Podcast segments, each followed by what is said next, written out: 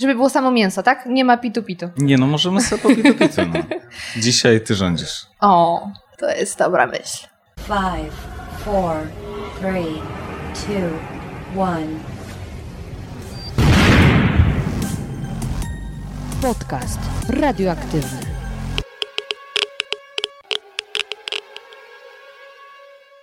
Dzień dobry, dzień dobry. Witam Cię w kolejnym odcinku podcastu radioaktywnego. Moi drodzy, mam dla Was naprawdę wyjątkowy odcinek, a to dlatego, że gościem mojego dzisiejszego podcastu jest człowiek, którego działalność w internecie obserwuję od samego początku i jest on właściwie moim ogromnym idolem. Ale zanim do tego, to oczywiście krótkie ogłoszenia dusz podcasterskie. Przede wszystkim dziękuję serdecznie za wszystkie wiadomości, które wysłaliście do mnie w zeszłym tygodniu na Instagramie. Tak jak obiecywałam, moje odpowiedzi były w wersji wideo wideo, y, co wielu z Was bardzo zaskoczyło, że ja naprawdę wysyłam wideo. Wysyłam, bo to jest dla mnie najbardziej naturalna forma komunikacji, mówienie, a nie pisanie. Także bardzo dziękuję, że zdecydowaliście się poświęcić tę chwilę i napisać do mnie, y, podziękować za podcast, a tak naprawdę to ja Wam bardzo dziękuję, że, że słuchacie, bo jest to dla mnie ogromna frajda. Kolejną rzeczą to jest powitanie nowych patronów. Mamy nowych patronów, także bardzo serdecznie dziękuję i witam Was na radioaktywnym pokładzie. E, dzięki Wam podcast ma szansę się rozwijać i razem tworzymy coś, mam nadzieję, fajnego. Kolejna rzecz to chciałabym serdecznie podziękować kawiarni Etno Cafe w Warszawie, która ugościła mnie i mojego gościa. Dzięki e, Etno mogliśmy się spotkać i porozmawiać przy dobrej kawie. Stąd też e, trochę hałasu w tle, ale właśnie moi drodzy, to jest też taki kolejny temat i postanowiłam się z Wami podzielić, bo może ktoś z Was będzie mógł mi coś doradzić. Kiedy było lato, miałam możliwość umówić się z gościem w parku, usiąść, porozmawiać i nagrać e, podcast w bardzo przyjemnych okolicznościach. A teraz, niestety, kiedy mamy jesień i jest chłodniej, no nie mogę z gościem przez ponad godzinę siedzieć na ławce i rozmawiać. I brakuje mi miejsca, gdzie mogłabym nagrywać. Jeśli macie pomysł na jakąś fajną lokalizację, gdzie jest w miarę cicho, gdzie nie ma jakichś hałasów w tle, to dajcie mi proszę znać. Jeśli może ktoś ma jakiś fajny lokal do tego przystosowany, to również byłabym wdzięczna za informacje, bo tak jak mówię, bardzo chciałabym nagrywać dla Was audio jak najlepszej jakości, ale brakuje mi na ten moment pomysłu na miejsce, gdzie mogłoby to się odbywać. I już na koniec to z jednej strony przypomnienie, że podcast znajdziecie również na YouTubie, y, natomiast wyjątkowo ten odcinek nie ma wersji wideo. To znaczy, odcinek będzie zamieszczony na YouTubie, ale y, będzie statyczne tło, a to dlatego, że mój dzisiejszy gość, do którego już za chwilę przejdę, podobnie jak ja ma ogromny sentyment do radia i poprosił mnie, że właśnie ze względu na to, jak kocha radio i, i magię, która jest zbudowana wokół audio, to chciał, żebyśmy nie nagrywali wideo i skupili się tylko na samym głosie. I ja też wysłuchałam jego prośby i dlatego ten odcinek nie będzie miał wersji wideo, jest sam głos. No ale już po tak długim wstępie y, powinnam wreszcie przejść do meritum i powiedzieć, kim jest mój dzisiejszy gość. A tak jak wspomniałam na początku, jest to dla mnie naprawdę wyjątkowa osoba. Rafał Gębura z kanału na YouTubie 7 metrów pod ziemią. Myślę, że dla większości z Was jest to postać już znana. Dla tych, y, których jeszcze nie jest znana, to właściwie mogę powiedzieć, że bardzo Wam zazdroszczę, bo macie do nadrobienia sporo fantastycznych wywiadów, które Rafał dotychczas przeprowadził. Są to naprawdę wyjątkowe wywiady, ponieważ odbywają się one 7 metrów pod ziemią. No właśnie, czy dokładnie 7 metrów, czy on to wymyślił? Tego dowiecie się już y, podczas naszej rozmowy. Jeśli dotychczas nie słyszeliście o Rafale, o jego działalności na YouTubie, to koniecznie sprawdźcie, ale zanim to zrobicie, to zapraszam Was bardzo serdecznie do wysłuchania naszej rozmowy. Mój drogi Rafale, bardzo się cieszę, że się udało nam wreszcie spotkać, yy, bo to prawda, ja Cię tutaj długo molestowałam. Wiem, że to jest w tym kraju nielegalne i w ogóle nie tylko w naszym kraju, ale długo yy, na to spotkanie i udało się. Też się cieszę i jestem pod wrażeniem Twojej skuteczności i nieustępliwości. Cieszę się, że tak to ładnie nazywasz, bo inni właśnie mogli powiedzieć, że jestem po prostu nachalna, upierdliwa, jak zwał, tak zwał. Spotkaliśmy się, aby porozmawiać. I czy ty wiesz, o czym będziemy rozmawiać? Czy będziemy rozmawiać o tobie, czy będziemy rozmawiać o programie? Jak myślisz? E, nie wiem. E, z chęcią się przekonam. I mam nadzieję, że to będzie rozmowa i że ty też będziesz dużo mówiła. No właśnie. Bo ja zazwyczaj to, Pięknie wiesz, wolę nawiązałeś. słuchać. Tak szczerze mówiąc. A to się ceni, bo w tych czasach mało kto, wydaje mi się, tak z uwagą słucha. Zwykle jednak mówimy, nie? No to zobacz, jestem na te czasy idealny. W ten czas. Dobra. Moje pierwsze pytanie jest następujące. Dlaczego zdecydowałeś się studiować dziennikarstwo? Kiedy zapragnąłeś zostać dziennikarzem? Ojej, em, dawno temu. Wiesz co, to, to, było moje dzieci, to było moje marzenie z dzieciństwa. E, właściwie odkąd pamiętam, e, no to chciałem być dziennikarzem. E, nie miałem e, może do końca e, takiej koncepcji, czy to byłby dziennikarz prasowy, radiowy, czy telewizyjny, bo na przykład e, sobie gdzieś tam w domu wymyślałem jakąś gazetkę i bawiłem się w redaktora naczelnego. I poważnie wydawałem ją i tam, wiesz, e, dwa egzemplarze na przykład dla mamy i babci. Takie rzeczy się działy, ale miałem też czas, kiedy totalnie się zakochałem w radiu i to się przemieniło w jakąś obsesję i poskutkowało to na przykład tym, że e, będąc w samorządzie szkolnym, a to, jej, to już było liceum, doprowadziłem do sytuacji, że szkoła założyła radiowęzeł. I- Prawdziwy influencer, wpłynąłeś na dyrekcję. ale totalnie, wiesz. I, I o, pamiętam, że to mi dało wtedy wiele satysfakcji.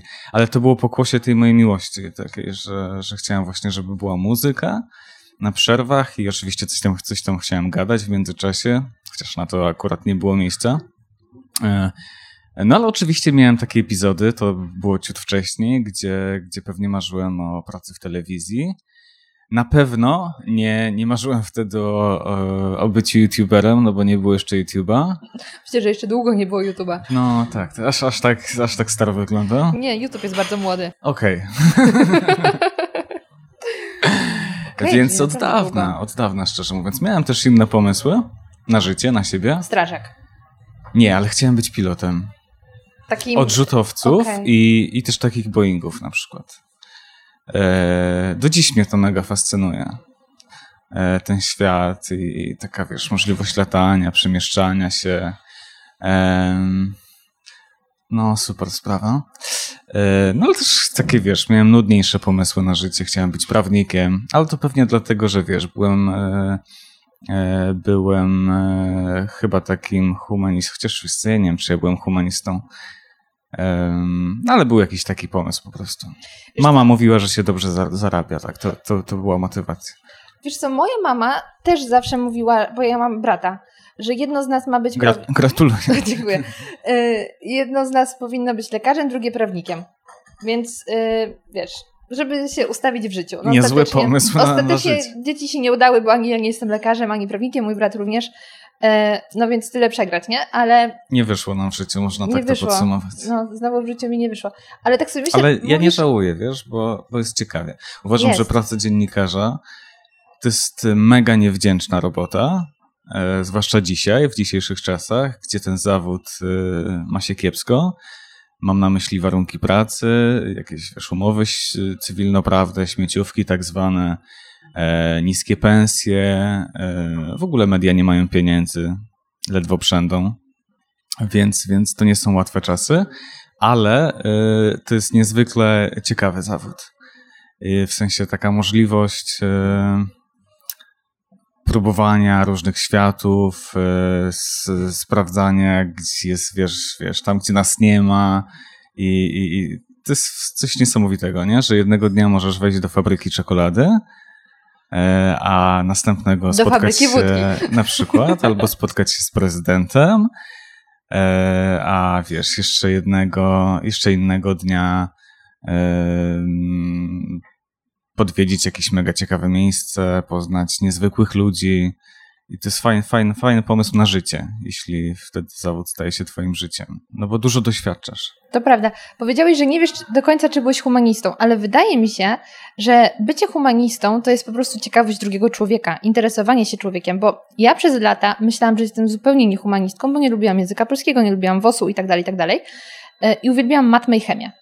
Ale uświadomiłam sobie, że bycie humanistą to jest bardziej zainteresowanie człowiekiem, a człowiek mnie niesamowicie interesuje i to jest chyba domena dziennikarza, że żeby być dobrym dziennikarzem, to nie wiem, nie musisz do końca świetnie pisać, znaczy dobrze jak dobrze piszesz, ale jeśli nie umiesz pisać, no to możesz nagrywać cokolwiek, ale musisz być ciekawym świata i człowieka. Tak moim zdaniem to wygląda. Tak, to jest dobra definicja. Jeśli jak gdyby przyjmiemy ją, to, to tak, to jestem humanistą. Okej. Okay. I też to, co fajnie powiedziałeś, że bycie dziennikarzem pozwala wcielać się w różne role. I to jest trochę jak aktor. Tylko nie trzeba się tak uzewnętrzniać, bo aktor się musi uzewnętrznić i pokazywać te emocje, a dziennikarz może być z boku, ale jednak uczestniczyć. I to jest super moim zdaniem. Tak, y, no aczkolwiek, no wiesz, jest duża różnica, no bo mm, wydaje mi się, że yy, będąc dziennikarzem, doświadczasz tych innych, wiesz, yy, rzeczywistości w sposób bardziej autentyczny.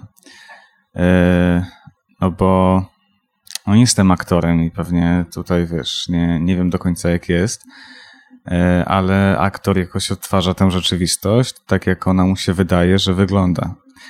A mm, no jak jesteś dziennikarzem, no to y, masz jak gdyby tę możliwość, jeśli ci się uda, że doświadczasz tej samej rzeczywistości, czyli na przykład, dajmy na to, zawód lekarza, tylko w taki prawdziwy sposób, nie? Że, że wtedy dowiadujesz się, jak jest, jak jest faktycznie.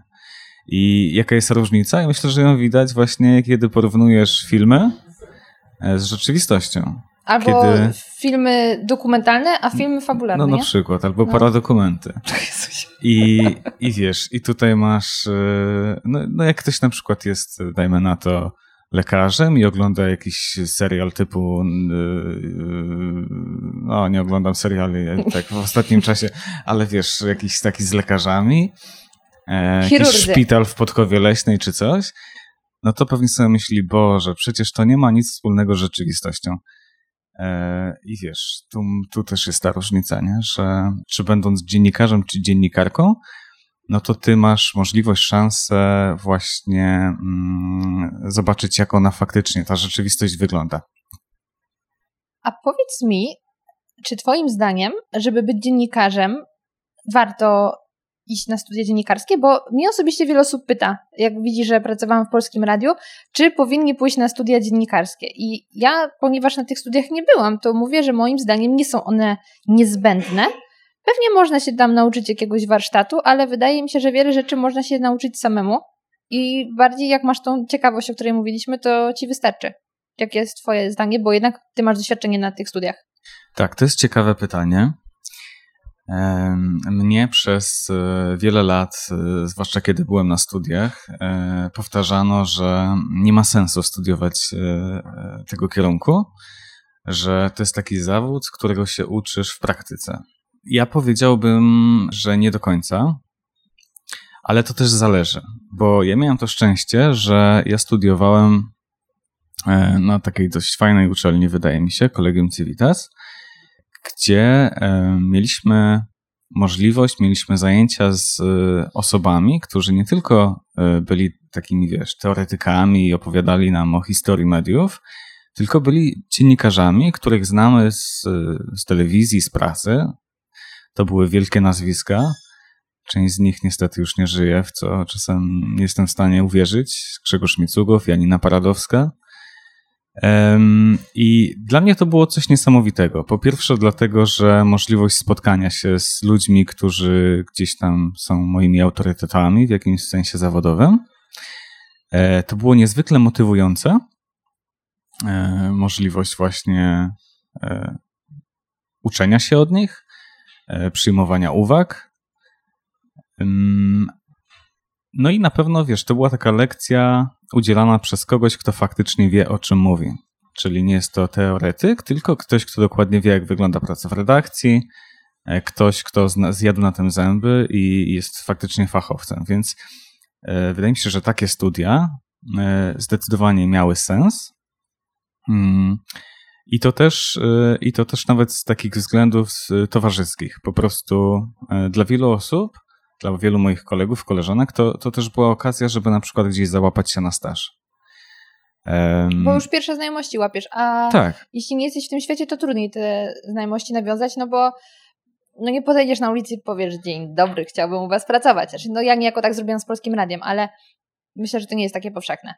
Dokładnie, absolutnie tak. Poza tym to też jest tak, że że te studia, znaczy też mówię o swoim przypadku, nie wiem jak jest na innych uczelniach, może tam faktycznie nie ma sensu, ale te moje studia, jak sobie na nie patrzę z jakiejś tam perspektywy czasu, to było tyle fajne, że one właśnie e, były takie różnorodne, że można było, wiem, liznąć filozofii, socjologii, politologii i tak dalej, i tak dalej. One mnie w dużym stopniu nauczyły takiej, wiesz, e, społecznej wrażliwości, tego, że świat nie jest oczywisty, że można myśleć inaczej. Myślę sobie, że gdyby nie te studia, to byłbym zupełnie innym człowiekiem. I, i pewnie choć, e, choć jest tak, że wiele wiedzy wyparowało, już nie pamiętam tych rzeczy, o których się uczyłem, to, e, to na pewno wpłynęły na mnie jako, jako na człowieka, nauczyły mnie jakiejś dojrzałości i to zostaje na całe życie. Więc ja nie żałuję tych studiów, absolutnie nie. Bardzo podoba mi się Twoja odpowiedź. Plusik, bo, Dziękuję. Bo, bo, myślę, że to jest w ogóle domena. Oczywiście nie ma co y, tutaj uogólniać, ale patrząc też po moich studiach, które, tak jak mówiłam, nie są dziennikarskie, ale jest to psychologia, tylko że w biznesie, to w ogóle myślę, że takie studia humanistyczne bardzo w ogóle rozwijają i, i to jest ze względu właśnie na to, że się tej socjologii, filozofii, trochę liźniesz psychologii, bo lepiej rozumiesz człowieka, albo nawet jeśli go nie do końca rozumiesz, to widzisz szerszą perspektywę i wtedy łatwiej wydaje mi się nawiązywać relacje z innymi, innymi ludźmi, no bo zazwyczaj się nie zastanawiasz, o co ludziom chodzi, jeśli nie masz takiej typowo rozkminowej natury. A na tych studiach musisz się zacząć zastanawiać, o co chodzi drugiemu człowiekowi i, i to naprawdę rozwija, więc zdecydowanie polecam wszystkim pójść na tego typu studia, bo no on nawet jeśli nie dadzą ci takiej wiedzy, że o Jezu, nie będę miał pracy, chociaż to jest dla mnie mit, że nie będziesz miał pracy, to bardzo rozwiną wewnętrznie.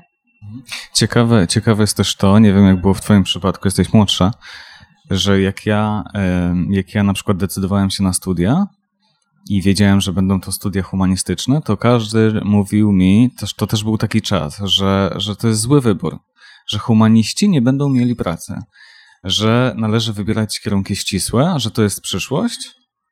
Mm, no i w ogóle się lepiej zarabia i tak dalej. A ci wszyscy, wiesz, politolodzy to pójdą później do urzędu pracy i nie będą mieli, wiesz, gdzie pracować. E, I no ja zrobiłem swoje, e, oczywiście, ale wydaje mi się, że, e, że to się jakoś chyba w międzyczasie zmieniło. Bo ja znam dzisiaj wielu humanistów, którzy świetnie sobie poradzili na rynku pracy i właśnie ja mam, ja mam taką obserwację, że to są ludzie, którzy mają takie umiejętności, e, które się bardzo przydają w życiu, także w życiu zawodowym. To tak zwane miękkie. Dokładnie, to jest to, o czym mhm. powiedziałeś przed chwilą. E, I, i, I to nie jest bez znaczenia po prostu, nie? Tak, bo wszyscy się komunikujemy, a nie każdy jednak potrafi to robić, że musimy się komunikować, a nie każdy wie, jak to robić. No i te studia trochę e, pomagają. Powiedzmy temat studiów, myślę, że mamy, mamy. zamknięty. Mhm. To mam do Ciebie inne pytanie, ponieważ przeczytałam w internecie, a na Twój temat w internecie dużo nie ma, więc y, tych informacji też za dużo nie znalazłam. Ale jedna z nich była następująca, że kiedyś pracowałeś m.in. w Radiu Kolor i latałeś po mieście z mikrofonem. Tak było napisane dokładnie w tym artykule. Tak jak Ty. Tak jak ja. Tylko jak już zaczęliśmy sobie nasz small talk przed nagraniem, ja powiedziałam, że uwielbiam sądy uliczne i kochałam biegać z mikrofonem i zaczepiać przypadkowych ludzi, a ty mówisz, że nienawidziłeś sąd. Tak. To co robiłeś z tym mikrofonem? Czy robiłeś te sądy i tego nienawidziłeś, czy robiłeś coś innego jeszcze, nie wiem, reportaże i to mieli na myśli mówiąc, że chodzisz po mieście z mikrofonem? E, no sąda oczywiście to jest tylko jakaś tam jedna formuła, tak? E, I, i sąd akurat nie lubiłem nigdy. Z takich zupełnie prozaicznych powodów, typu wiesz, deszcz, śnieg, zimno. E, poza tym niestety to też jest tak, nie wiem jakie są twoje doświadczenia, może masz łatwiej, ludzie niechętnie wypowiadają się, e, uciekają od ciebie, ty musisz przeszkadzać, oni sobie, wiesz, pędzą gdzieś tam do pracy, a ty musisz podbijać z mikrofonem i, i zadajesz jakieś, wiesz, pytanie z kosmosu, ile się gotuje na przykład parówki albo coś. I to by, zawsze miałem takie poczucie, że ja, wiesz, wchodzę z butami w czyjąś, w czyjąś przestrzeń, w czyjeś życie, że, że komuś po prostu przeszkadzam. I dlatego tego nie lubiłem. E, dużo bardziej lubiłem się na przykład z kimś umówić na spotkanie, E, pojechać, spotkać, czyli taką sytuację, kiedy dwie osoby są zainteresowane, żeby, żeby się spotkać i pogadać. I, i, i tak, to, to, to wolałem takie rzeczy robić, czyli na przykład jakiś tam wywiad, reportaż, to, to chętniej. No tak, warunki są wtedy o wiele bardziej komfortowe. Mo, Odnośnie- może jestem zbyt wygodny, słuchaj, bo tak... Może tak, no, no, myślę, że tak, ale trudno y, mieć Ale- tutaj pretensje do tej wygody. Ale, ale jest coś takiego, nie? Że jak się z tym mikrofonem biega po ulicy, no to trzeba mieć w sobie jakąś taką bezczelność. No właśnie ja mam. Ty masz, Dlaczego i ja masz cię to, tak dlatego męczyłam? ci łatwiej to przychodzi, tak. Tak, ja uwielbiałam sądy uliczne za to, że ja nigdy nie wiedziałam, na kogo trafię. Oczywiście, jak było minus 20 stopni i ja zamarzałam i nikt się nie zatrzymywał, i ja to szanuję, bo im też było zimno, Tak. to mnie to wkurzało. Ale ja miałam swoje sprawdzone miejsce na robienie sąd, uliczne, y, sąd ulicznych, schodki nad Wisłą. A Aha. tam ludzie wychillowani, przy piwku. Oczywiście nie mogliśmy mówić, że są przy piwku, więc No ale zimą to kiepsko, nie? zimą kiepsko. I wtedy zwykle była to patelnia. A czy tu jak gdyby zgadzam się z tym, że fajna była ta nieprzewidywalność, bo, bo to też jest tak, że wiesz, stoisz na tym chodniku i, i mierzysz ludzi i zastanawiasz się, sen. kto tak, kto ci wiesz, kto, kto ci się wypowie, a kto nie. I musisz jakoś ocenić, do kogo jesteś, jest sens podchodzić. Jeżeli ktoś oczywiście ma nie tęgą minę, no to oceniasz, że może lepiej nie. E, Ale fajna jest ta nieprzewidywalność, bo, bo czasem osoby, których e, jakkolwiek to nie zabrzmi, nie podejrzewałabyś o jakąś super sensowną wypowiedź, potrafią zaskoczyć i, i, i okazuje się, że masz świetną setkę, bo tak to się nazywa, z której sobie później montujesz sądę. Mhm. Więc okej, to był jakiś pozytywny aspekt. Y, Ale prawdą jest, że ludzie naprawdę uciekają przed mikrofonem i dla mnie to jest niesamowite, bo ja rozumiem, jak masz wideo, no to tak, ktoś cię może rozpoznać, ale po głosie naprawdę nie tak łatwo rozpoznać, bo szansa po pierwsze, że twój znajomy będzie tego słuchał, jest dość niewielka.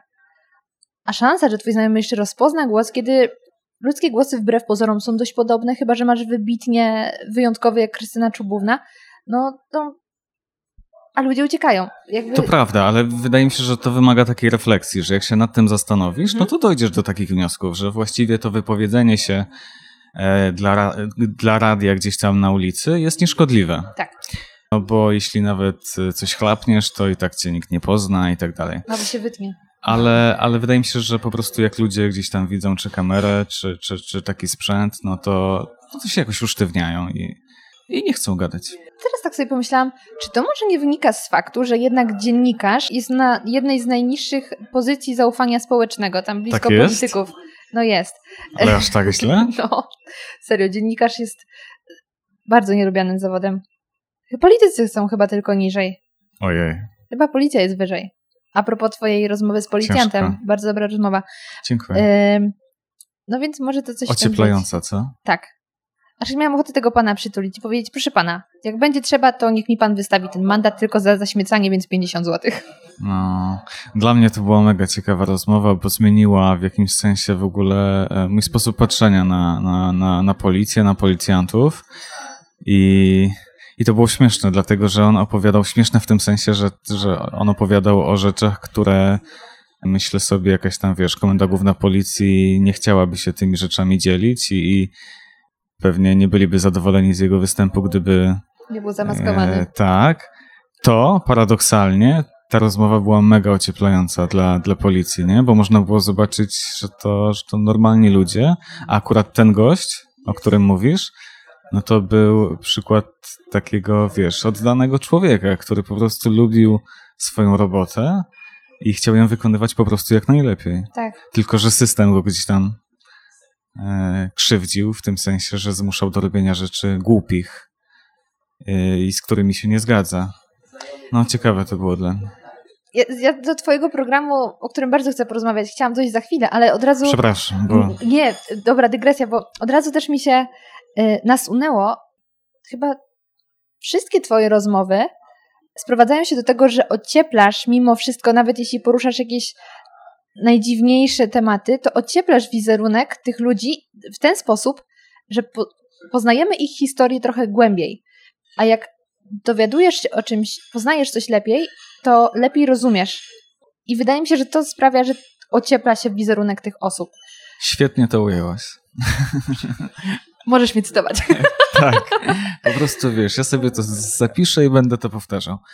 E, Wydaje mi się, że, że tak jest, dokładnie tak jest. Po prostu sama możliwość poznania kogoś innego, kto, kogoś, kto żyje zupełnie inaczej, ma inne motywacje, inaczej patrzy na świat, inaczej ocenia pewne rzeczy. Czyli to sama możliwość jak gdyby poznania jego, jego motywacji, mm, sprawia, że, że zaczynasz rozumieć. Że stawiasz sobie pytania, a co by było, gdyby moje życie potoczyło się inaczej? Gdybym znalazł się e, przykładowo w tak samo ciężkiej sytuacji życiowej jak ta osoba, e, jakbym się zachował, jakbym sobie poradził, e, kim byłbym, gdybym był kształtowany przez innych ludzi, gdybym dorastał w zupełnie innym towarzystwie, miał zupełnie inne wpływy, nie miał autorytetów i tak dalej, i tak dalej, i tak dalej. I oczywiście mm, zawsze jest wybór. Czy, czy jesteś zła, czy jesteś dobra, zawsze ty jak gdyby możesz, ty decydujesz na końcu, na koniec dnia. Ale uważam, że wielkie znaczenie mają okoliczności tego, e, e, gdzie ty dorastasz, z jakimi ludźmi żyjesz e, i, i w jakiej sytuacji życiowej się znajdujesz. Prosty case. Na co dzień nie, nie, nie wynosisz jedzenia ze sklepu, tak? Płacisz za nie. No ale co byłoby, gdybyś e, po prostu nie miała na, na, na chleb, tak? I, I nie daj Boże miałabyś, wiesz, jeszcze głodne dzieci. Wtedy, wtedy ta kradzież moralnie jest słabsza, nie? Słabszym przewinieniem. I, i to, to jest taki głupi, prosty, banalny przykład. E, No ale tak wygląda chyba życie, nie? Że po prostu pewne okoliczności zmieniają perspektywę. I ja, ja na przykład w tych wywiadach to o to by mi chodziło, tak? Że, żeby pokazać, że ludzie są różni, że życie bywa różne. Doświadczenia są różne. Dokładnie tak. Mhm. I oczywiście to nie chodzi o to, żeby tych wszystkich ludzi, którzy do mnie przychodzą, wybielić i po pokazać, że oni są niewinni, nie popełnili błędów, bo też jak gdyby są tacy ludzie faktycznie, którzy ewidentnie je popełniali i powiedzmy byli złymi ludźmi. E, Ale e, wydaje mi się, że, że, że, że poznanie ich historii pozwala jednak nieco lepiej tę sytuację zrozumieć. Chociażby po to, dokładnie po tak. Chociażby po to, żeby wiesz, y, żeby, żeby inni nie, nie, nie popełnili podobnych błędów. Mhm. No tak jak rozmowa z gangsterem, albo z tym panem, który wkradał się do domu. Czy Tak, tak, tak, tak. w- Włamanie. Tak. Włamywał, włamywał do domu. Widzę, no. że oglądasz. To też chciałam ci powiedzieć. Twój kanał jest jedynym kanałem, którego odcinki obejrzałam wszystkie. Poważnie? Może wyjątkiem jest Paulina Mikuła, bo też ją od początku do końca obejrzałam. Ale ja pamiętam, jak twój kanał rozpoczął działalność. Nie to Taki komplement. Kurczę, Dziękuję. proszę, to tak wiesz, przed dzisiejszą galą, bo jak to będziecie słuchać, to my jesteśmy jeszcze przed galą Grand Video Awards, tak to się nazywa? Tak to się nazywa po angielsku. Pięknie. A po polsku jak? Wielkie wi- nagrody, wideo. wideo? Tak, coś takiego. Jednak zostajemy przy angielskiej wersji. E, Jak pierwszy odcinek się pojawił, ja już go oglądałam powiedzmy w dniu premiery, nie, że dołączyłam w trakcie. Poważnie? Jak to jest możliwe? Znaczy, Pierwszy? No, tak, bo ja jak pojawił się twój kanał, to ja od razu jakoś na niego trafiłam. Ale jak to jest możliwe? Ja się zastanawiam, wiesz, YouTube do dzisiaj, mi, do y, dzisiaj się zastanawiam, jak to się w ogóle stało, że ludzie zobaczyli pierwszy odcinek. Nie mam pojęcia. Myślę, że YouTube mi podsunął, a ja lubię wywiady, o czym Czyli rozmawialiśmy. nie, ty musiałeś coś tam, wiesz, o śmierci pewnie googlować. Masz mnie. Ale który był zabijanie, pierwszy? zwłoki. Który był pierwszy odcinek? Balsamista. Co ty musiałaś tam googlać, że ci, wiesz, YouTube Nie brnijmy w tą stronę, teraz Okej. rozmawiać o tobie. Okej, okej. No i, i wtedy obejrzałam to i stwierdziłam, wreszcie to są tematy, które mnie interesują. W formie konwencja y, i, i tematy tabu. I to jest moje kolejne pytanie, bo już zostawmy to dziennikarstwo, bo jeszcze chciałam cię zapytać o jedną rzecz. To może cię zapytam i wtedy dojdziemy Najwyżej do tabu. wytniemy. Najwyżej wytniemy. Y, chciałam cię zapytać jeszcze o jedną rzecz, bo przez te wszystkie swoje lata w branży dziennikarskiej zahaczyłeś o gazetę, y, mm, radio i telewizję. I który z tych medium przypadł ci mimo wszystko najbardziej do gustu? Niełatwe pytanie, tą ciszę sobie wytniesz. Zastanawiałem się długo. Nie, to będzie chwila, żeby ktoś wziął oddech. A, ojejku, jejku. Nie, to nie umiem, nie umiem tak e, chyba odpowiedzieć. To jest, wiesz, to jest fajne, to jest fajne.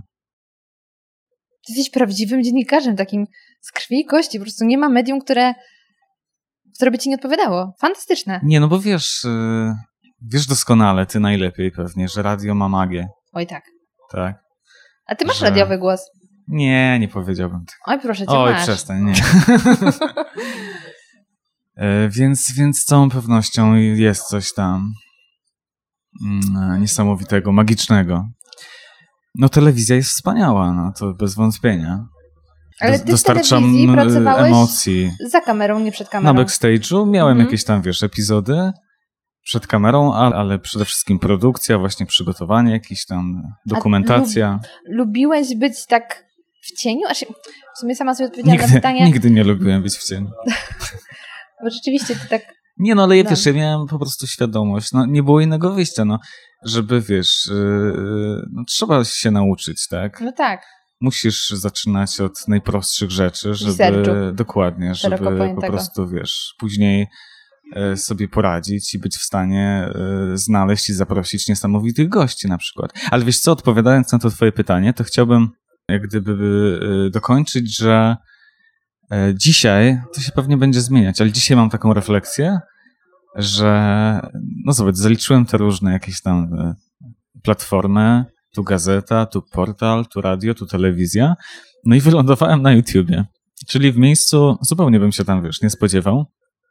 E, A śmieszne jest to, że dzisiaj moja refleksja jest taka, że, że właśnie internet jest najfajniejszy.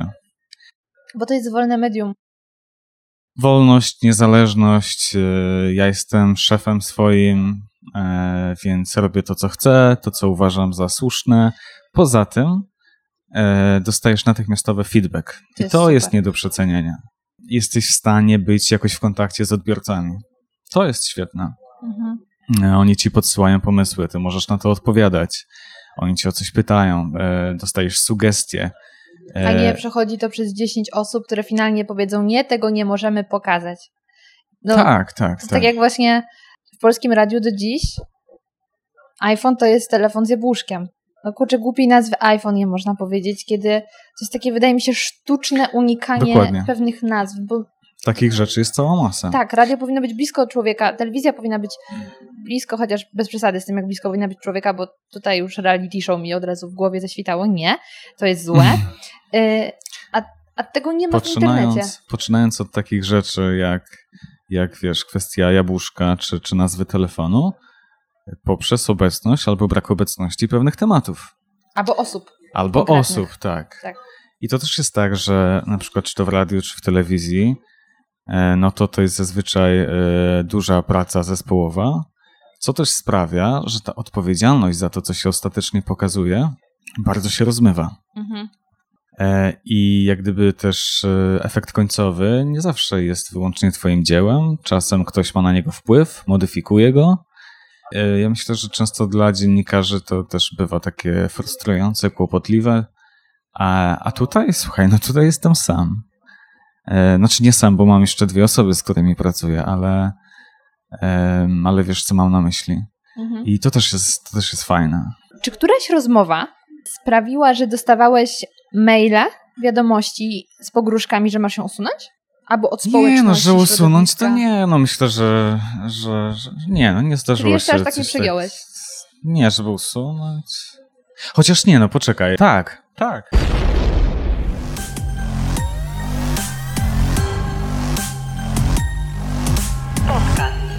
Radioaktywny. Dzień dobry, dzień dobry.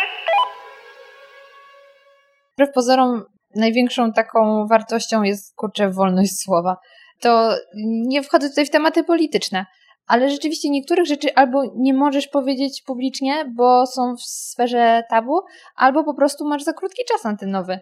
No w radiu wyobraź sobie godzinne podcasty. No nie ma No opcji. nie, no w ogóle nie. Przecież, przecież e, e, moje wywiady, tak? Mm, No to to jest taka formuła, e, gdzie każdy w telewizji, kto, kto pracuje w telewizji i ma jakieś doświadczenie telewizyjne, łącznie ze mną, e, powiedziałby, że, że to nie ma szansy się obejrzeć. To są na Boga dwie gadające głowy. Tak. Kto będzie chciał to oglądać?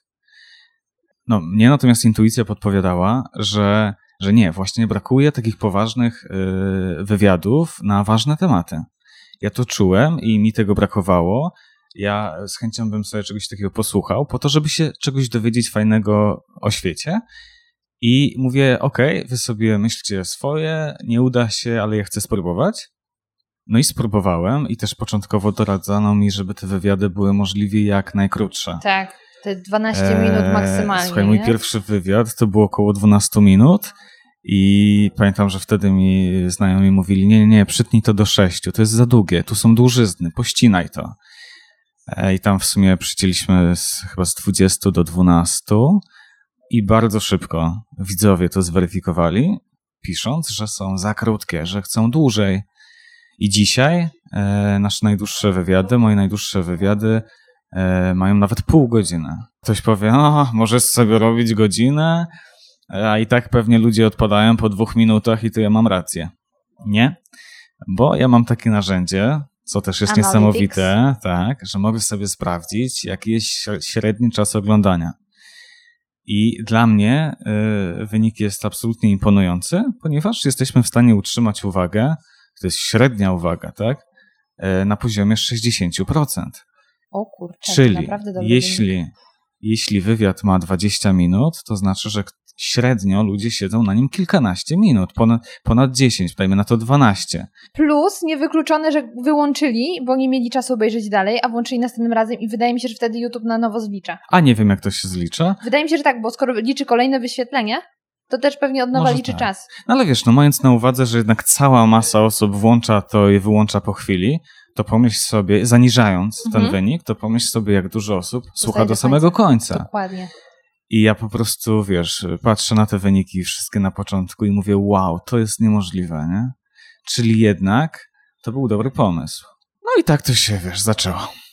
No właśnie, bo to nie jest prawda, że człowiek ma ym, uwagę równą koncentracji wiewiórki, tylko człowiek, jeśli dasz mu dobre treści, i nie mówię tutaj o jakichś challenge'ach czy coś, tylko jeśli ktoś potrzebuje, chociaż jak ktoś lubi challenge, spoko, ale jak ktoś lubi takie tematy i dobrze mu je przedstawisz, to on wytrwa do końca i ten czas nie ma znaczenia. Bo najwyżej podzielisz sobie na kawałki, ale jak coś cię wciągnie, to będziesz siedział i oglądał. No, ciekawe, wiesz, no ciekawe. Ja to testuję.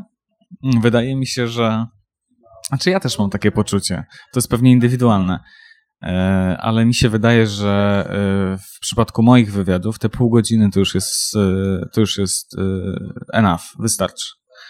Że, że jednak, żeby nie przesadzić tam dwie godziny czy coś. Chociaż wiesz, no, No, mamy widzów. I Ta, tam dwie godziny. To będzie dłuższe niż pół godziny. Panie, już jest dłuższy. Ojej, okej. E, I, I wiesz, i, i mamy jak gdyby widzów, którzy, którzy piszą, że nie, róbcie dłuższe, nie? Godzina. Zobaczymy, co będzie za rok. Ale no Spotkamy tak, się i pogadamy, okej, nie? zobaczymy. I wtedy ci powiem, wiesz co, e, po roku wydawało mi się, że pół godziny to jest taki optymalny czas. Teraz w okolicach Dzisiaj trzech. uważam, że, że dob, dobowe odcinki to jest tak optymalne. Dobre. Y, Dobra, no i teraz przechodzimy pięknie do tematu tabu. Bo ja w ostatnich dniach zaczęłam się zastanawiać nad tematami tabu. Czym właściwie jest tabu i jak ono się zmienia. I wydaje mi się, że patrząc na Twoje rozmowy, dobór gości, nie ma czegoś takiego jak temat tabu. Z czym dla W jakim Ciebie sensie jest nie tabu? ma? W jakim sensie nie ma? W przestrzeni publicznej jest ich cała masa. Taka Mhm. jest moja obserwacja. E, w sensie tabu jest dla mnie mm, jest właśnie tematem, e, który ok, może być poruszony, ale e, wciąż e, nie pojawia się w przestrzeni publicznej. I budzi emocje. Budzi emocje najczęściej tak. Okej. Przez to, że jest unikany, że, że się niechętnie o nim rozmawia z różnych powodów. Em, ja uważam, że powinno być jak najmniej tematów tabu. Tak. Dlatego, że zwykle tabu jest szkodliwe. No właśnie, bo jak czegoś nie znasz, Tak. to albo się boisz, Albo Albo opierasz nie się na rozumiesz. stereotypach, czyli w założeniu czymś nieprawdziwym po części. Mhm. Dokładnie tak. i ym, czy to jest takie twoje takie główne kryterium doboru gości? Nie, nie, nie niekoniecznie. Nie, nie, bo też podejmujemy tematy e, takie, które po prostu są ciekawe. No, e, jeden z takich powiedzmy nietypowych odcinków, no to była rozmowa z marynarzem. To nie jest temat tabu. E, ale jest po prostu ciekawy, dla mnie był, dlatego że Nic mi nie mów, chciałam zaprosić marynarza do siebie, A. rozumiesz? I stwierdziłam, jak zobaczyłam twój odcinek, myślę, dobra, odpuszczam. Już ale był. nie, nie, nie rezygnuj, bo to jest, wiesz, ciekawy temat i uważam, że czym więcej takich rozmów, tym lepiej.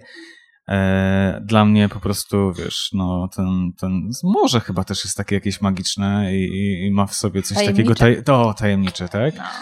I, i, I przez to ten zawód wydaje mi się, wydawał mi się po prostu ciekawy. Ale to tak jak z pilotem samolotu. Tak, tak. Chociaż, chociaż wydaje mi się, że zawód pilota jest mniej tajemniczy.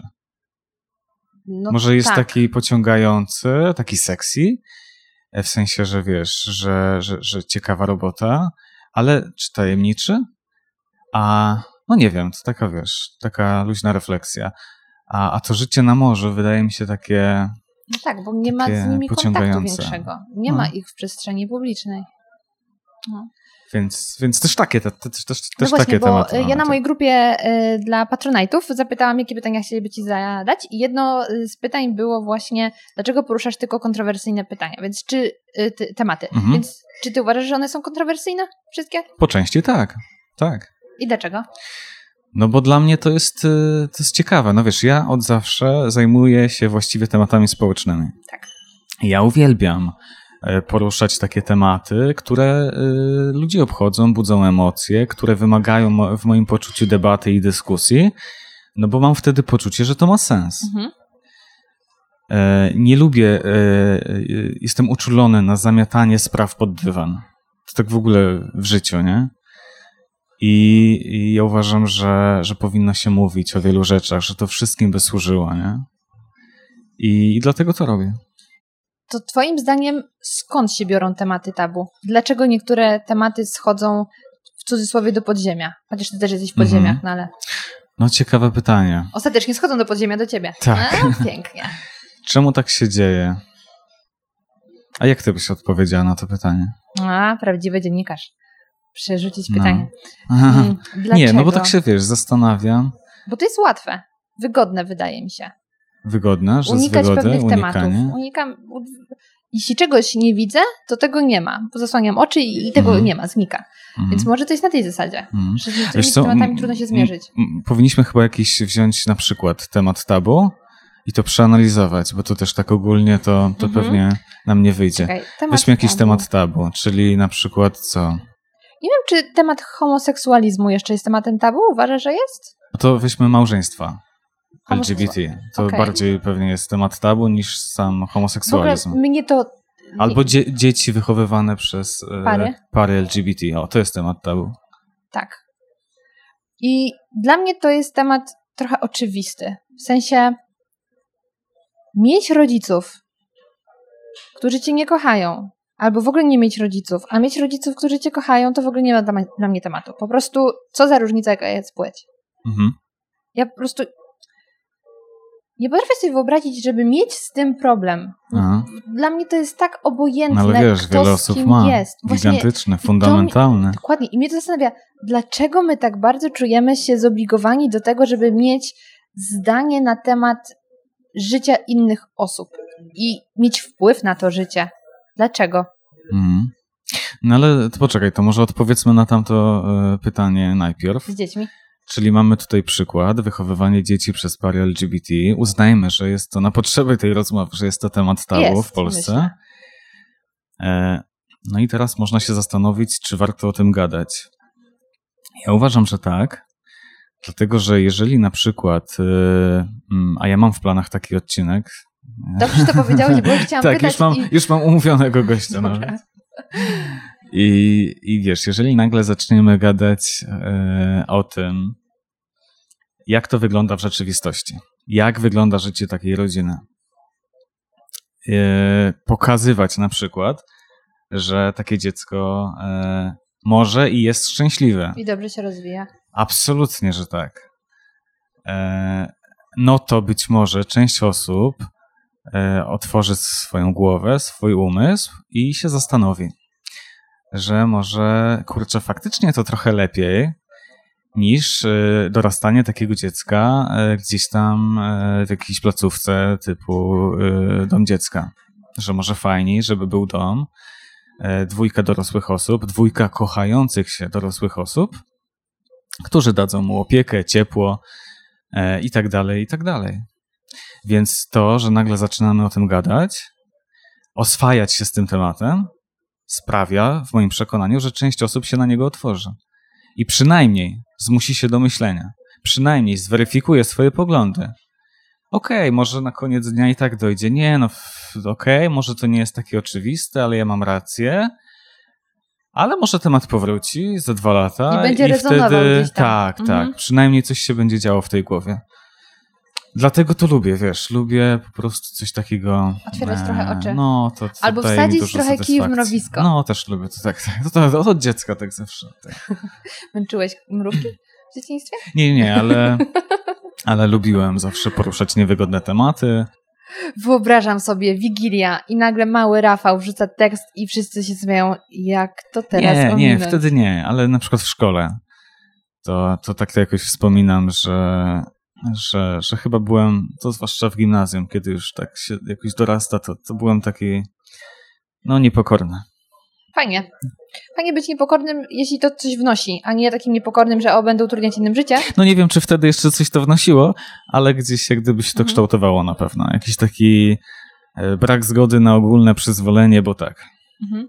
Ja zawsze pytałem, ale dlaczego? Ale właściwie to, czy ma to sens? A może y, to, co robiliśmy przez 6 lat, Nie ma sensu. wcale jest. Cała jest szkoła. Tak. No, tak. Czyli takie negowanie. To jest, ale to jest zdrowe. Negować no to, co, co no, się Znaczy, no słyszy. zastanowienie się Tak. po prostu nad tym, co się robi, ma sens. Taka samoświadomość. Tak. I taka refleksja nad światem. Kurczę, Ale no filozoficznie, widzisz? No, ja wiedziałam, że tak będzie. A jak często za to, rozmawiając już z kimś, masz w głowie pytanie, które bardzo chcesz zadać, ciśnie ci na usta, ale ostatecznie gryziesz się w język i nie pytasz? Pytasz o pytania, które chcę zadać, a nie zadaję? Nie mam takich, zadaję je po prostu. Czyli jak już jesteś, to lecisz z tematem i zadajesz. Tak, tak, tak, tak. tak. Okej. A jak się przygotowujesz do rozmowy? To znaczy, ym, robisz sobie taki rachunek sumienia, o co chciałbym zapytać? Czy bardziej, no bo twoje osoby, y, twoi goście są, przepraszam za określenie, ale no-name'ami. To nie są osoby, które możesz zresearchować mocno w internecie, tak jak często osoby gdzieś tam ze Tak. świata publicznego, więc nie poszperasz w ich e, historii sam. Możesz ich wcześniej zresearchować, pogadać z nimi i wtedy najciekawsze wątki wyciągnąć, ale też możesz bardziej pomyśleć nad samym tematem, nie? I zrobić sobie rachunek, o co powinienem zapytać, co by ludzi zainteresowało. Tak się dzieje. Myślę o temacie Mhm. i staram się myśleć w taki sposób, e, o co, chcia, co chciałbym się dowiedzieć po ludzku, tak? Mhm. Co, co wydaje mi się ciekawe. Gdybym był, wiesz, e, Janem Kowalskim, to, to chciałbym się dowiedzieć to, to, to i to. Mówię o tym, że byłbym Janem Kowalskim, bo często jest tak, że ja już mam jakąś wiedzę na ten temat, w sensie znam odpowiedzi, dlatego że no, ja już mam ileś tam rozmów za sobą i, i, i czegoś już tam się dowiadywałem od tych ludzi. Czasem ja znam odpowiedź na to pytanie, ale zadaję je po to, żeby ona wybrzmiała. E, Kiedyś, kiedyś usłyszałem taki to jako zarzut, że, że moje pytania są naiwne, mają dziecięcą naiwność. I ja sobie pomyślałem, że w sumie to jest komplement. Bo dziecko Bo nie tak ma powinno być, zahamowań tak, jest no. ciekawe wszystkiego. Tak, tak, no to tak, prawda. tak. Bardzo dobrze przemyślane. E, W formie twoja refleksja na temat tego zarzutu. Tak, więc ja oczywiście no, wtedy przygotowuję się do tematu, myślę o tym, o co warto zapytać, myślę też o tym, jak poprowadzić tę rozmowę, żeby ona była ciekawa, e, żeby miała swój początek, koniec, zastanawiam się od czego wyjść, e, żeby To jakoś jest chyba tak najtrudniejsze. Od uchwycić czego wyjść? Bo uwagę się widza. toczy. Mhm, tak. Tak, no to, to nie wiem, czy najtrudniejsze, ale no jest to jakiś tam, trzeba się nad tym zastanowić, Mhm. tak, żeby, żeby od czegoś zacząć. No a później to leci oczywiście. No i co, no ja staram się też, też taki backstage, ale okej. Ja zwaniam się z gośćmi dzień, dzień wcześniej i sobie przygadujemy delikatnie temat, e, tak żebym był w stanie jakoś gościa wyczuć, jak on, jak on opowiada, jak rozmawia, które wątki rozwija chętnie, czy są tematy, których unika, wtedy badam dlaczego. No jest to dla mnie jakaś wskazówka, jak, jak później z nim e, gadać, kiedy usiądziemy na zielonych krzesłach.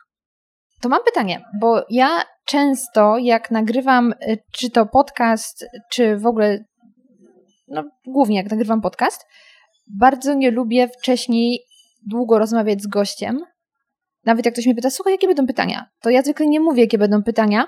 Ja nie pytałem, nie? Ty nie pytałeś, to No. jest super, dziękuję ci za to. E, bo jak słyszysz coś pierwszy raz, to jest taka e, szczera i autentyczna reakcja, a jak słyszysz coś po raz drugi, to już nigdy nie będzie takiego spontanu. Mm, Ale wiesz co, to, to też wynika z, z tego, że my robimy zupełnie inne rzeczy. Mhm. Co robimy w tej chwili, to jest, to jest rozmowa, pogawędka, z, taki small talk. Tutaj faktycznie e, chyba nie byłoby sensu przegadywać się wcześniej. E, no bo na tym to polega, że, że to jest wiesz, spontaniczna gadka i... Jakbyśmy i- usiedli przy stole, jak starzy znajomi sobie tak. pogadają I ktoś, ktoś, kto sobie to włączy, nie daj Boże, i nas posłuchuje. no to będzie miał takie poczucie, że w sumie siedzi tu obok nas, pije sobie kawkę i, i słucha, tak? Jest z nami, uczestniczy w tej rozmowie. Mhm. E, mój pomysł na wywiady jest zupełnie inny. Ja, e, tak jak lubię w życiu pitu pitu i jest mi szalenie przyjemnie z tobą sobie gadać, to e, ja w wywiadzie nie lubię tego. Ja, ja chcę mieć mięso, ja chcę mieć odpowiedzi na, na pytania, ja chcę się czegoś dowiadywać z tego wywiadu. Ja chcę, Mhm. żeby mój wywiad dostarczał e, odpowiedzi na, na, na jakieś pytania. Nie chcę wiedzieć, co, co, co słychać u tego gościa, co on sobie tam Co wiesz. Tak, w sensie i, i, i dlatego, dlatego, że ja staram się póź, później wyciągnąć z niego jak najwięcej tego mięsa, informacji. No to właśnie z, dlatego e, sobie z nim wcześniej rozmawiam, żeby wiedzieć, o co pytać, kiedy będziemy rozmawiali na serio. To jest taka rozgrzewka przed bitwą. Dobre określenie. A powiedz, y, jaki procent między, powiedzmy, surówki finalnie trafia do programu? Bardzo dużo.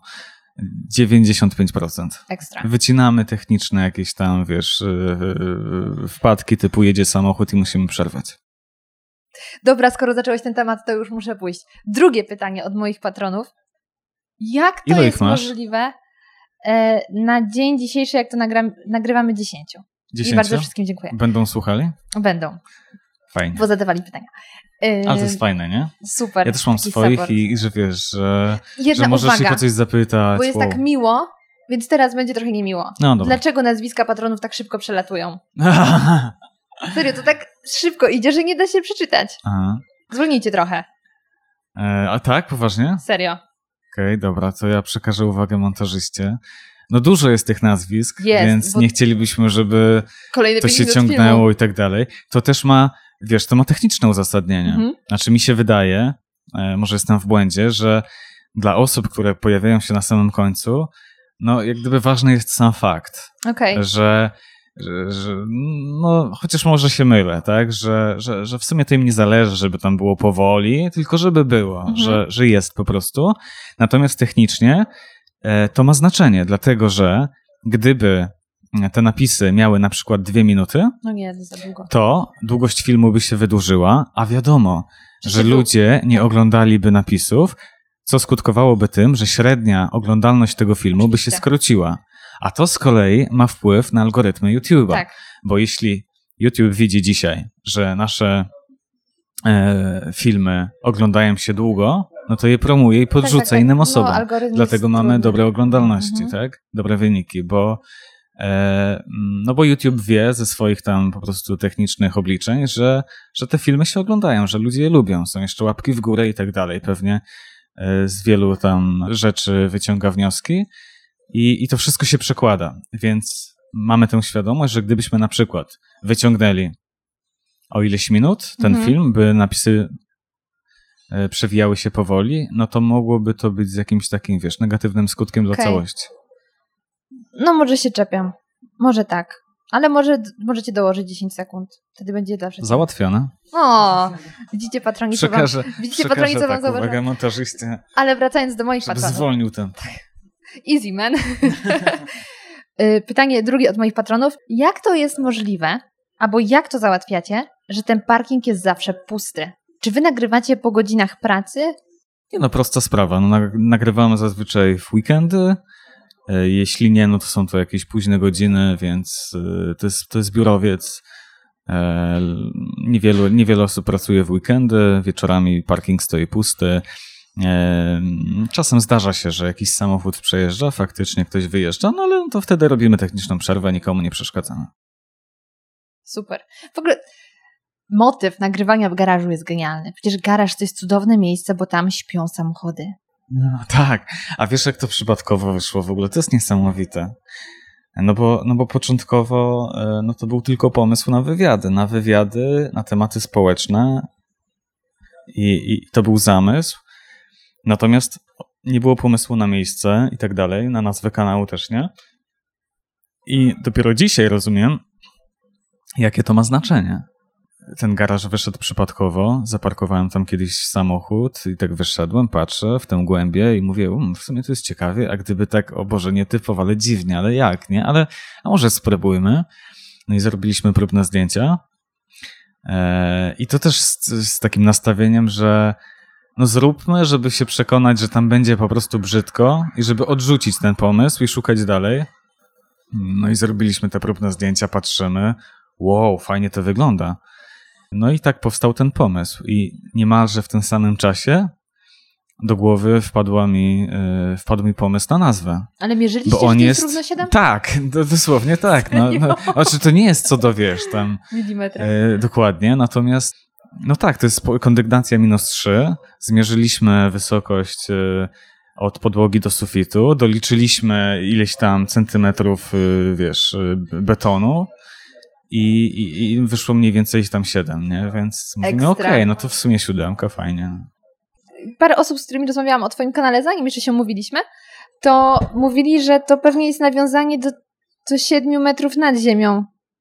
Czy, czy iluś tam metrów nad ziemią, że jest taki film. nie, to zupełnie, to tam było chyba stóp, coś takiego. E, Coś ale tam. ale e, nie, to zupełnie, to zupełnie przypadkowo.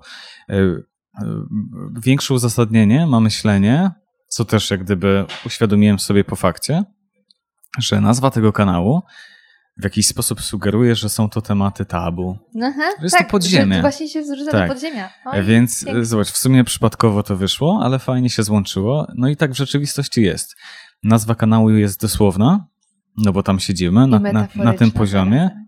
a zarazem metaforyczna, tak. Pięknie. Fajnie się złożyło. Czy któraś rozmowa sprawiła, że dostawałeś maile, wiadomości z pogróżkami, że masz ją usunąć? Że mam co? Usunąć rozmowę na jakiś temat? Albo od nie, no, że usunąć to nie, no myślę, że, że, że nie, no nie zdarzyło Czyli jeszcze się. aż tak nie przegiąłeś? Nie, żeby usunąć. Chociaż nie, no poczekaj. Tak, tak. E, całkiem niedawno wrzuciliśmy rozmowę dotyczącą dopalaczy. Mhm. E, ona była e, przez wiele osób krytykowana, zaraz wyjaśnię dlaczego. I pamiętam, że jakiś taki też jeden mail się pojawił na zasadzie, że powinniście to usunąć w ogóle i zakopać, nie? Tak, więc odpowiadając na to pytanie, tak, zdarzył się taki mail. Ja obstawiałam, że to Ale- będzie dotyczące innego odcinka A jakiego? e, o świadkach Jehowych. Myślałam, że tam mogło coś zaiskrzeć. Tu było, tu było dużo, e, tu było dużo wiadomości, ale raczej takich pozytywnych, że mm, one, one, nie były, rozmowa. one nie były wrogie, tylko to Mhm. były wiadomości od świadków Jehowy, którzy jak gdyby opowiadali, że ich doświadczenia są inne. Mhm. Nie jest, wcale nie jest tak, jak opowiadała Agata, e, że tutaj jest nieco inaczej i tak dalej. E, I, i, i takich wiadomości było sporo. Tylko, że wiesz, no, e, jeśli ktoś rozumie dobrze formułę, no to ma świadomość, że, że jest to wywiad. Wywiad z założenia jest subiektywny, no bo ktoś opowiada, uwaga, O o swoich. swoich doświadczeniach. Mhm. Więc y, no, y, oglądając taki wywiad, trzeba mieć świadomość, że, że to nie zawsze jest tak, że rzeczywistość wygląda dokładnie tak wszędzie, jak mówi ta osoba. Ta osoba opowiada o swoich doświadczeniach. To dotyczy się różnych rzeczy, nawet y, dziewczyny pracującej w klubie GoGo. Ona opowiada o swoich doświadczeniach, co nie znaczy, że w innej części Polski e, taki klub funkcjonuje dokładnie tak samo, może inaczej. Może tam, nie wiem, prowizja za taniec jest wyższa albo niższa. Więc y, myślę, że ludzie to rozumieją. Znaczy, Mhm. niestety wciąż nie wszyscy. E, ale poczekaj, wracamy do, Do odpowiedzi dopalaczy. do dopalaczy. Michalina, to jest dziewczyna, która wystąpiła w tym odcinku, opowiedziała o swoim doświadczeniu z dopalaczami. Rzeczywistość jest taka, że ona, e, opowiadając o nich, pomyliła e, po pierwsze nazwę jednej substancji, przejęzyczenie, znaczy nie przejęzyczenie, po prostu ją źle wymówiła. Była przekonana, że tak się nazywa. Jedna literka. E, A poza tym e, tam chyba było coś takiego, że, że chyba jednej substancji przypisała inne działanie niż, niż ono ma w rzeczywistości, przez co część osób doszła do wniosku, że, że ona zmyśla, że ta historia jest wymyślona. Natomiast e, ten wywiad jak gdyby był o czymś zupełnie innym. O zjawisku, a nie konkretnych substancjach pewnie. Michalina nie wystąpiła w roli ekspertki, Mhm. której po pierwsze, która e, dokładnie mówi, co jak działa i tak dalej. E, to zupełnie nie o to chodziło. E, w moim odczuciu właśnie e, to, że ona gdzieś tam popełniła, popełniła jakiś błąd, jeszcze dodatkowo ją uwiarygadniało, dlatego że prawda o dopalaczach jest taka, że zdecydowana większość użytkowników dopalaczy Nie ma bladego pojęcia, ma co bladego pojęcia, co bierze. bierze. Mhm. I historia była taka, o czym opowiedziała, że przy szkole był sobie jakiś sklepik. Ona do niego poszła z koleżankami, z kolegami, coś tam kupiła. E, Tak naprawdę do końca nie wiedziała co. Poza tym, jak sama opowiadała w tym wywiadzie, był czas, kiedy brali wszystko, jak leci. Więc e, to, to, nawet nie musiało być tak, że jej się pomyliło jakieś działanie. E, Wyobrażam sobie, że jeśli bierze się jednocześnie ileś tam różnych substancji, no to, yy, to może po prostu zadziałać różnie. Inaczej na jednego człowieka ona mogła pomyśleć, że akurat ta substancja e, zadziałała tak, a przecież jeszcze była ta, jeszcze w sumie ta i tak naprawdę efekt mógł być zupełnie różny, tak? I myślę sobie, że też tego rodzaju substancje jak dopalacze, no też mówię, myślę sobie, bo akurat nie mam doświadczenia, e, prawdopodobnie jest tak, z tego co słyszałem, że też inaczej oddziałowują na poszczególne osoby. Mhm. To na pewno. Więc, więc to był wywiad zupełnie o czymś innym. To był wywiad o, e, o nastolatce, która popełniła błąd e, i, i, i po prostu opowiada, dzieli się swoimi doświadczeniami, żeby osoby w jej wieku nie zrobiły czegoś podobnego. I też jak gdyby ktoś pytał, może lepiej byłoby zaprosić eksperta, żeby chociaż merytorycznie o tym opowiedział. E, Mnie się wydaje, że nie, to dlatego nie jest że... takie autentyczne, wydaje mi się. W formie ekspert często ma wiedzę tylko teoretyczną, bo sam nie próbował. No tak, ale też wtedy sobie myślę, okej, a po co ja zrobiłem ten wywiad? Jaki był jego cel? Mój cel osobisty był taki, żeby ileś tam młodych osób, a oglądam nasz kanał, oglądają nasz kanał w dużej części też młode osoby, że, że, żeby potraktowali to jako jakąś lekcję. Mhm. I e, w moim przekonaniu taka właśnie Michalina, czyli mniej więcej ich rówieśniczka, będzie dla nich znacznie bardziej przekonująca niż jakaś tam, wiesz, pani ekspert, która będzie tak teoretycznie opowiadała o tym, jak substancja X dokładnie oddziałuje na nasze oczy. Mhm. Na swoim kanale poruszasz bardzo trudne tematy, często. A muzyka już y, staje się zbyt intensywna. Więc pytanie, jak to wszystko odreagowujesz? Co robisz w wolnym czasie, żeby się odciąć? Grasz w Simsy, przyznaj się. Zabawne, zabawne. Nie, śmieję się dlatego, że usłyszałem hasło w wolnym czasie. A, przepraszam. Za daleko Wiesz poszłam. co, tak. Nie, prawda jest smutna, bo ostatnie 11 miesięcy łączyłem pracę zawodową z tworzeniem kanału. I to oznaczało, że ja nie miałem wolnego czasu. No niestety. I poważnie. Dzień wolny, weekend wolny to, to, to, to był jakiś dowcip. Jeśli się zdarzał, no to jeden, maksymalnie dwa w miesiącu. A dzień wyglądał w ten sposób, że jechałem do pracy na 8 godzin, wracałem i siadałem przy komputerze na 8 godzin albo na więcej. Budziłem się y, i szedłem spać, i budziłem się i żyłem tak naprawdę satysfakcją z tego, że to się tworzy, że to rośnie. Chyba tylko to sprawiło, że wytrzymałem, Y, no ale doszedłem do jakiegoś takiego punktu kulminacyjnego, gdzie e, musiałem podjąć decyzję. I tak dzisiaj wydaje mi się, że ona była w jakimś tam sensie spóźniona, powiedzmy o kilka miesięcy, co wydaje mi się niesamowite. Uczciwie ci to mówię. Zaskakujące dla mnie. Jako dziennikarza podjąłem decyzję, że stawiam wszystko na YouTube'a, czyli na coś zupełnie nowego. Była to jedna z cięższych dla mnie decyzji, takich zawodowych. E, Uważam, że jedna z odważniejszych, ale podjąłem ją i e, od już mniej więcej tygodnia e, skupiam się wyłącznie na, na YouTubie, to Szmat chcę rozwijać. tak, szmat czasu. Tak, co, co oznacza, że wciąż jeszcze pojęcie czasu wolnego wywołuje uśmiech na, moich, na mojej twarzy. I Jeszcze go niedowierzenie. nie mam. Jeszcze go nie mam. Mhm. Ale Mm. co robisz, żeby nie myśleć o tych trudnych tematach, które robisz? Wiesz co, no y, ja wiem, że to jest rozczarowujące, co, co powiem, ale ja nie mam czasu o nich myśleć. Okej. Ja muszę, ja mam, wiesz, no, miałem tyle obowiązków, taki k- to był kołowrotek, że musiałem się ciągle skupiać na zadaniach. Mhm. Ja nawet nie miałem czasu, z czego się śmialiśmy oczywiście, e, świętować sukcesów typu, nie wiem, 100 tysięcy subów, 200 tysięcy. E, Pozwoliliśmy sobie e, Skoczyć. skoczyć, tak, ale to też było połączone z czymś zawodowym, no bo zrobiliśmy Jutro widzę się z Basią. z... Poważnie? Napisała do mnie, słuchaj, dzień po premierze cieszę. twojego odcinka, że cześć, właśnie jem śniadanie i słucham twojego podcastu, jest super. Ja tak, przecież to ona z tobą skakała. Ja mówię, słuchaj, moim zdaniem Rafał nie zrobił całej rozmowy. Trzy pytania do ciebie to jest za mało. Czy zgodzisz się wziąć udział w podcaście? No jasne, jutro jest w Warszawie i nagrywamy. Boże, fantastycznie. Obiecaj mi, że ją uściskasz ode mnie. Obiecuję. Dobra, świetnie. Więc y, nie, my się śmialiśmy z tego, że, że nam po prostu nie, nie mieliśmy czasu nawet świętować jakichś tam sukcesów. Mhm.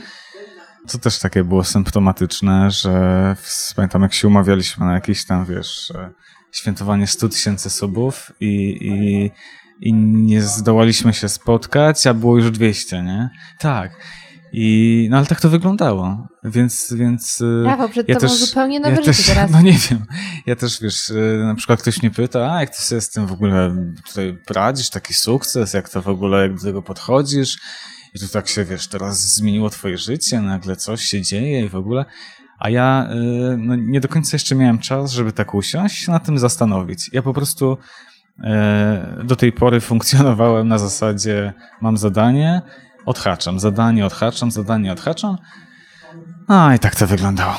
Ale to jest piękne y, skupić się na tym, co naj...